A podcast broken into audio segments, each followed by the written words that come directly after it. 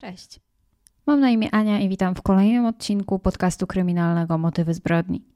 Zanim zaczniemy, chciałabym przypomnieć o subskrypcji kanału oraz włączeniu powiadomień, jeżeli jeszcze tego nie robicie. Dzięki temu nie zapomnijcie o kolejnych odcinkach.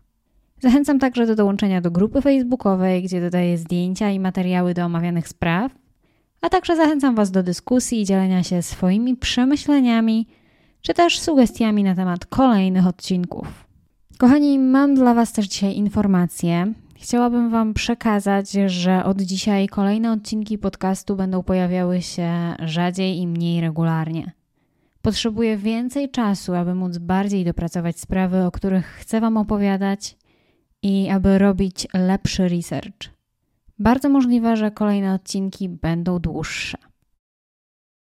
Dzisiaj opowiem Wam wstrząsającą historię o zbrodni, której nie powinno być bo to jedna z najgorszych zbrodni, jakie mogą się kiedykolwiek wydarzyć. Rodzina, rodzeństwo to tak naprawdę taka cząstka nas.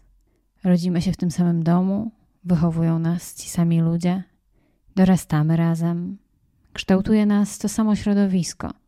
Łączy nas tak wiele, że powinniśmy zawsze trzymać się razem, na dobre i na złe. Niestety zdarzają się takie sytuacje jak ta, o której dzisiaj chcę Wam opowiedzieć. Kiedy pieniądze niszczą wszystko.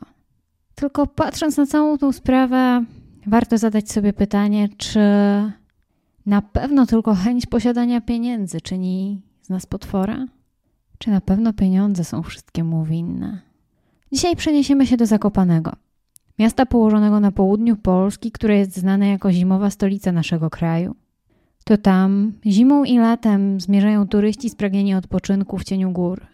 Zakopane leży w województwie małopolskim i mieszka tam niecałe 30 tysięcy mieszkańców. Jednak z racji na swój turystyczny charakter, w miasteczku na co dzień przewija się zdecydowanie więcej ludzi. Zakopane to dom rodzinny pewnej młodej kobiety, Agaty Kochanowskiej, która urodziła się w góralskiej rodzinie 30 maja 1980 roku. Nie była jedynaczką. Miała dwóch braci, Grzegorza i Bartłomieja – którzy byli bliźniakami. Cała trójka, jeszcze będąc dziećmi, odziedziczyła spory majątek po swoich dziadkach. Była to kamienica w centrum Zakopanego przy ulicy Kościuszki, z której można było czerpać zyski, wynajmując pokoje i lokale usługowe. Jednak biorąc pod uwagę fakt, że spadkobiercy byli niepełnoletni, nie mogli oni zarządzać swoim majątkiem. Czas mijał i Agata oraz jej bracia dorośli. Agata była szczupłą, atrakcyjną młodą kobietą i dość zamożną jak na swój wiek. Była też ambitna, ponieważ nie chciała żyć tylko ze spadku, a postanowiła kontynuować naukę i skończyć studia. Zaraz po tym, kiedy zdała maturę, wyjechała do Krakowa, aby studiować architekturę na Politechnice Krakowskiej. Mimo wyjazdów wciąż miała sporo znajomych w Zakopanem, z którymi chciała utrzymywać kontakt. Agata była bardzo lubianą, sympatyczną i serdeczną dziewczyną. W przeciwieństwie do swoich braci, którzy raczej trzymali się tylko ze sobą. Bracia Agaty wybrali inną drogę. Lubili się bawić i lubili spędzać czas w swoim towarzystwie. Co do zabawy, byli współwłaścicielami kamienicy w centrum turystycznego miasta, co dawało im na to środki. Do tego byli przystojni, wysocy i mieli powodzenie u dziewczyn. Wraz z matką mieszkali w centrum Zakopanego w odziedziczonej kamienicy, a tam nie trudno o okazję do imprezy. Miejscowi sklepikarze mówili, że zarówno Bartek, jak i Grzegorz byli zdolni. Znali się na komputerach i zawsze pomagali w naprawie sprzętu. Jeden z nich podjął nawet naukę na Akademii Medycznej w Krakowie na kierunku farmacja. Jednak nie wiem, jak długo studiował. Natomiast drugi z braci nigdzie nie pracował. Cała trójka, Grzegorz, Bartłomiej i Agata, utrzymywali się z pieniędzy z czynszu za wynajem dwóch lokali użytkowych w odziedziczonej kamienicy. Niestety, Kamienica, która miała zapewnić młodym Kochanowskim dochód i przyszłość, niejednokrotnie prowadziła do kłótni między rodzeństwem. Bracia nie chcieli się dzielić pieniędzmi z wynajmu kamienicy z siostrą, która wyjechała z Zakopanego. Jednakowa kamienica była kością niezgody już wcześniej. Rodzice Agaty, Bartłomieja i Grzegorza także spierali się o kamienicę. Zarówno Ewa, jak i Jan Kochanowscy chcieli mieć jak największe udziały w wynajmowanej nieruchomości. Teściowie jednak nie ufali Janowi i nie chcieli, aby to on zarządzał kamienicą i czerpał z niej zyski. Kiedy teściowa, która dysponowała całkowitymi prawami własności budynku, podjęła decyzję, że kamienicy nie dostanie ani jej córka Ewa, ani jej mąż Jan. Mężczyzna zostawił rodzinę. Co więcej, był tak obrażony, że wyjechał nawet z Zakopanego. Wcześniej jednak w domu Kochanowskich nie działo się dobrze. Pani Ewa nie radziła sobie z wychowywaniem dzieci. Miała problemy osobiste, a do tego czasem pojawiała się tam przemoc fizyczna. Pani Ewa mieszkała początkowo w kamienicy, która przypadła w spadku jej dzieciom. Jednak po wielu awanturach i nieprzyjemnych sytuacjach kobieta postanowiła się stamtąd wyprowadzić. Dochodziło do takich sytuacji, kiedy synowie wymienili zamki, aby nie wpuścić jej do domu. Ta musiała poprosić o interwencję policji i dopiero wtedy mogła wejść do swojego pokoju. Kobieta zmęczona ciągłymi nieprzyjemnościami i złośliwościami ze strony synów i awanturami o pieniądze, wyprowadziła się do swojej matki mieszkającej w bloku nieopodal. Patrząc na rodzinę Kochanowskich, można odnieść wrażenie, że Agata, która wyjechała na studia, podjęła właściwą decyzję, niejako uciekając z toksycznego środowiska. Dziewczyna nie lubiła przyjeżdżać w odwiedziny do swoich bliskich, ponieważ niemal każda wizyta łączyła się z kolejnymi kłótniami o pieniądze. Ich relacje były na tyle napięte, że bracia bywali agresywni w stosunku do swojej siostry i nie chcieli jej oddawać należnej części z wynajmu kamienicy. Na początku lipca 2003 roku młoda kobieta postanowiła jednak odwiedzić rodzinę oraz spotkać się ze znajomymi w Zakopanem. Przyjechała tylko na weekend i od razu rozpętała się awantura. Agata zapytała braci o to, czy nie pożyczą jej samochodu, aby mogła spotkać się ze znajomymi, ale ci złośliwie jej odmówili. Dziewczyna postanowiła odpocząć od trudnych rodzinnych relacji i wyjść z domu na imprezę tego dnia. W nocy mama Agaty usłyszała trzaśnięcie drzwiami, co podobno miało ją uspokoić, bo pomyślała, że jej córka wróciła do domu. Nie do końca jednak rozumiem, dlaczego mama Agaty była wtedy w kamienicy, jeżeli jakiś czas wcześniej się z niej wyprowadziła, ale może informacje, które znalazłam, nie były podane chronologicznie. Następnego dnia rano Agata nie wyszła jednak z pokoju, a drzwi do niego były zamknięte. Około 11 mama Agaty wyszła na spacer z psem. Była pewna, że dziewczyna jest w pokoju. Ale kiedy kobieta wróciła jakieś półtorej godziny później, drzwi do pokoju jej córki nadal były zamknięte na klucz, a dziewczyny nigdzie nie było. Kiedy Agata nie pojawia się do wieczora, matka czeka, aż synowie wyjdą z domu i próbuje dostać się do pokoju córki zapasowym kluczem. Jednak w środku nie ma nic nadzwyczajnego. Rzeczy Agaty leżą na szafkach, są też jej dokumenty. Wygląda na to, że niemożliwe jest, aby wyjechała do Krakowa nic nie mówiąc. Kiedy pani Kochanowska zapytała swoich synów, czy nie wiedzą, gdzie jest siostra, powiedzieli, że jest wariatką, więc pewnie gdzieś baluje albo uciekła. Mijał czas i Agata nadal się nie pojawiała. Jej mama poważnie się martwiła, ale miała nadzieję, że córka faktycznie wyjechała i wróci. Kobieta w międzyczasie drukuje bloki i plakaty, mając nadzieję, że może to pomoże w odnalezieniu córki. Po dwóch tygodniach postanawia zawiadomić policję. Kobieta jednak w międzyczasie drukuje ulotki i plakaty, mając nadzieję, że może to pomoże. Po dwóch tygodniach postanawia zawiadomić policję. Ostatni raz Agata była widziana wieczorem 1 lipca 2003 roku. Policja została zawiadomiona 14 lipca. Matka Agaty przekazała także policji swoje obawy, a mianowicie kobieta podejrzewała, że bracia Agaty mogą mieć coś wspólnego z jej zaginięciem. Nigdy nie mieli dobrych relacji, a dodatkowo bracia Agaty dziwnie się ostatnio zachowywali. Planowali remont w trakcie sezonu turystycznego i właściwie w ogóle nie przejmowali się zaginięciem siostry. Policjanci na początku nie wierzą do końca, że bracia mogliby zrobić dziewczynie krzywdę. Jednak nie jest to normalna sytuacja w rodzinie. Nie ma też dowodów przeciwko bliźniakom i mimo iż zostali zatrzymani na 48 godzin, to do niczego się nie przyznali. Powtarzali tylko, że nie wiedzą, gdzie jest Agata i prawdopodobnie wyjechała. Po wyjściu z aresztu bracia złożyli nawet skargę na zatrzymanie. W tym czasie mama Agaty szuka córki i szuka też pomocy w tych poszukiwaniach. Prosi o pomoc Rutkowskiego i jasnowidzów. Zależy jej, aby odnaleźć córkę. W międzyczasie sprawa trafia także do krakowskiego archiwum Mix, które angażuje się w rozwiązanie tej zagadki, choć oni też nie dowierzają, że to bracia mogli zrobić siostrze krzywdę. Mimo, że nie tylko matka Agaty tak myślała. Jej koleżanki także podejrzewały, że to bracia mają coś wspólnego z zaginięciem młodej kobiety, chociaż na początku nie chciały wierzyć w najgorszy scenariusz. W międzyczasie bliźniacy zrywają kontakt z rodziną. Mija czas, a w sprawie Agaty nie działo się zupełnie nic, aż w końcu po kilku miesiącach, w grudniu, prawda wyszła na jaw. W tygodniku podhalańskim Pojawił się wywiad z jasnowidzem, który chciał pomóc w tej sprawie. Mężczyzna miał wskazać potencjalne miejsce ukrycia zwłok Agaty we współpracy z policją. Taka informacja dotarła do braci Kochanowskich i sprawiła, że wpadli w popłoch, bo oczywiście to oni byli winni zaginięcia swojej siostry. Nad tą prowokacją pracowało także krakowskie archiwum Mix wraz z jednym z kolegów z zakopiańskiego pionu operacyjnego.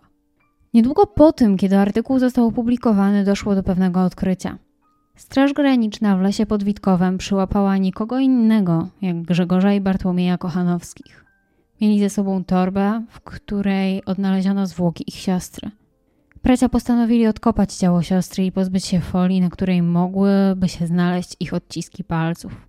Jednak sam fakt, że Agata zginęła z rąk własnych braci nie był najgorszy. Ponieważ kiedy policja zaczęła sprawdzać, co jest w torbie i odwinęli folię, która była zakopana w ziemi przez kilka miesięcy, okazało się, że ciało Agaty jest w częściach i do tego jest niekompletne. Głowa kobiety była zakopana w oddzielnym miejscu, daleko od reszty. Bracia zostali aresztowani i zaczęło się przesłuchanie bliźniaków i próby dojścia do prawdy. Do winy przyznał się Grzegorz, natomiast Bartłomiej miał tylko pomóc bratu w zacielaniu śladów i ukryciu zwłok. Według zeznań Grzegorza Agata wróciła z imprezy około drugiej w nocy, ale wtedy już ze sobą nie rozmawiali. Następnego dnia rano dziewczyna jeszcze spała, kiedy przed jedenastą bracia wychodzą z domu. Idą na pobliski stadion, aby pobiegać. Po około godzinie Grzegorz wraca do domu, natomiast Bartłomiej zostaje jeszcze, aby pograć w tenisa. Kiedy Grzegorz wraca do domu, zostaje tam Agata. Siostra jest w kuchni i przygotowuje sobie śniadanie. Jest ubrana w koszulkę w kwiatki, włosy ma spięte w kucyk. Grzegorz przechodząc potrąca dziewczynę ramieniem. Twierdzi, że zrobił to przypadkiem. Dochodzi między nimi do kłótni, jak zwykle o pieniądze, którymi bracia nie chcą się dzielić porówno. Wtedy sytuacja wymyka się spod kontroli. Grzegorz uderza Agatę szklanym dzbankiem w głowę. Dziewczyna upada na ziemię. Wtedy Grzegorz dusi ją reklamówką. Kiedy jest po wszystkim, chłopak przenosi ciało siostry do innego pokoju, z którego nikt nie korzysta i zamyka na klucz. Następnie idzie posprzątać do kuchni. Wtedy do domu wraca jego brat, ale nie od razu Grzegorz opowiada mu, co zrobił. Dopiero późnym popołudniem, około 18, mówi, co się stało. Bartłomiej panikuje i mówi, że trzeba to zgłosić na policję, ale Grzegorz przekonuje go, że można inaczej. Bracia rozczłonkowują ciało dziewczyny, pakują zwłoki do auta, biorą wszystkie potrzebne rzeczy i jadą do lasu pod Witkowem. Grzegorz kopie dół, a Bartłomiej sprawdza, czy nikt nie idzie. Następnie bracia zaczęli sprzątać. Wyczyścili samochód i zaczęli remont w kamienicy, aby ukryć ślady. Kiedy ktoś ich pytał, co się stało, odpowiadali, że nie wiedzą. Podczas zatrzymania w mieszkaniu Bartłomieja i Grzegorza znaleziono coś, co mogło sugerować, że planowali oni to, co się stało. W komputerze jednego z nich znaleziono plik z ulotką informującą o zaginięciu dziewczyny. Była tam informacja, że Agata zaginęła 2 lipca, ale sam plik został utworzony 17 czerwca. Ostatecznie jednak biegli nie byli w stanie stwierdzić, kiedy ulotka została stworzona. Rozpoczyna się proces, gdzie na światło dzienne wychodzi wiele informacji z życia rodziny Kochanowskich. Grzegorz przyznaje się do winy. Mówi też, że brat tylko mu pomagał i nie ma z tym nic wspólnego. W procesie zeznają także znajomi Agaty, którzy potwierdzają, że rodzeństwo ciągle kłóciło się o pieniądze. Mówią, że Agata chciała tylko swoją część, nie chciała niczego więcej. Kwota, która jej się należała z wynajmu to około 3,5 tysiąca złotych. Koleżanka Agaty powiedziała, że ta żaliła jej się, że bracia nie dają jej pieniędzy z wynajmu i ciągle w ich domu dochodzi do kłótni na tym podłożu. Raz podczas wizyty w domu Agaty, gdzie dziewczyna została na noc, sama była świadkiem awantury w środku nocy właśnie o pieniądze. W ostatnich latach było jeszcze gorzej, a nienawiść między rodzeństwem była już jawna. Niejednokrotnie Agata skarżyła się, że bracia jej grozili, jednak nie było to nic konkretnego, ale słowa, których dziewczyna po prostu się bała. Tak samo mieli traktować matkę. Babcia rodzeństwa i była właścicielka kamienicy zeznawała, że bracia nie kryli się z tym, że chcą wyeliminować siostrę z podziału. Kobieta zeznała także, że bracia znęcali się nad matką, czego ona była świadkiem. Z drugiej strony są także osoby, które wypowiadają się o bliźniakach pozytywnie. Znajoma rodziny twierdzi jednym z wywiadów, że bliźniacy mieli tak naprawdę tylko siebie i nie utrzymywali kontaktów z rodziną. W rodzinie Kochanowskiej zresztą nie układało się dobrze. Matka chłopców rozwiodła się z ich ojcem i ponownie wyszła za mąż, ale ani pierwszy, ani drugi mąż nie byli idealni. Drugie małżeństwo także dość szybko się rozpadło. Bracia wychowywali się w atmosferze nienawiści do swojego ojca, wpajanej im przez matkę i babkę, które w młodości były dla nich autorytetem. Jednak dziś chłopcy mają żal do matki, że ta nie poświęcała im czasu i nie zajmowała się nimi, tylko skupiała się na sobie. Bracia natomiast utrzymywali kontakt z 20 lat od nich starszym znajomym, który był jedną z nielicznych osób, z którymi się spotykali. Żona tego mężczyzny opowiadała o tym, że matka podobno znęcała się nad bliźniakami. Grzegorz był uzdolniony plastycznie, ale nie uczył się w tym kierunku. Chłopak chodził do liceum lotniczego w Dęblinie i mieszkał w internacie, gdzie umieścił go ojczym, aby pozbyć się chłopaka z domu. Grzegorz bardzo chciał wrócić i kiedy w końcu nadszedł taki dzień, bardzo się z tego cieszył. Warto dodać, że skończył to liceum ze średnią 5-0, a badania psychologiczne wykazały, że Grzegorz jest osobą bardzo inteligentną. Chłopak w czasie obserwacji psychiatrycznej odpowiadał, że nie utrzymywał kontaktu z siostrą i nie rozmawiali przez kilka lat. Obwiniał ją za to, że odeszła z domu, a on z bratem musieli zajmować się kamienicą.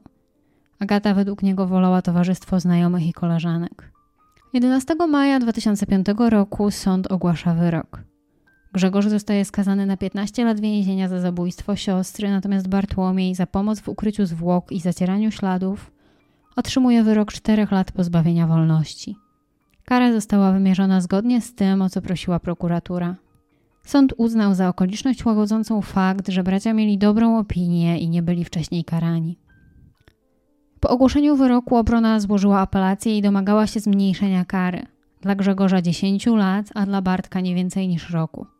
Jednak sąd odrzucił apelację. Po ogłoszeniu wyroku matka składa pozew przeciwko synom o uznanie ich za niegodnych dziedziczenia jednej trzeciej kamienicy po siostrze. Sąd przyznaje jej rację i stwierdza, że bracia nie powinni odziedziczyć tego spadku, co skutkuje przyznaniem jednej trzeciej kamienicy matce. I to właściwie byłby koniec tej sprawy, gdyby nie fakt, że jakiś czas temu ktoś odnalazł pensjonat, w którym doszło do morderstwa Agaty. Po trzech latach spędzonych w więzieniu Bartłomiej wyszedł i rozpoczął działalność gospodarczą. Natomiast po dziewięciu latach, czyli łącznie 12 latach spędzonych w więzieniu, dołączył do niego brat Grzegorz. Jest to hotel, a raczej mały pensjonat. Skromny, jednak w dobrej lokalizacji, bo bardzo blisko centrum. Opinie pensjonatu były dobre 8,2 na 10. Jednak kiedy w internecie zaczęła pojawiać się informacja, do kogo należy ów pensjonat i co się tam wydarzyło, opinie zaczęły się psuć, a na braci zaczyna spadać lawina negatywnych komentarzy. Mimo, że nie jest już tajemnicą, co wydarzyło się w tamtej kamienicy, nadal istnieje możliwość wynajęcia tam niewielkiego apartamentu. Być może ludzie, którzy się na to decydują, nie wiedzą, co się wydarzyło w tym domu. Kochani, to już wszystko w sprawie Agaty Kochanowskiej. Dziękuję Wam za obejrzenie tego, a właściwie wysłuchanie tego odcinka do końca. Dajcie znać, co Wy myślicie o tej sprawie. Dbajcie o siebie. Do usłyszenia. Cześć.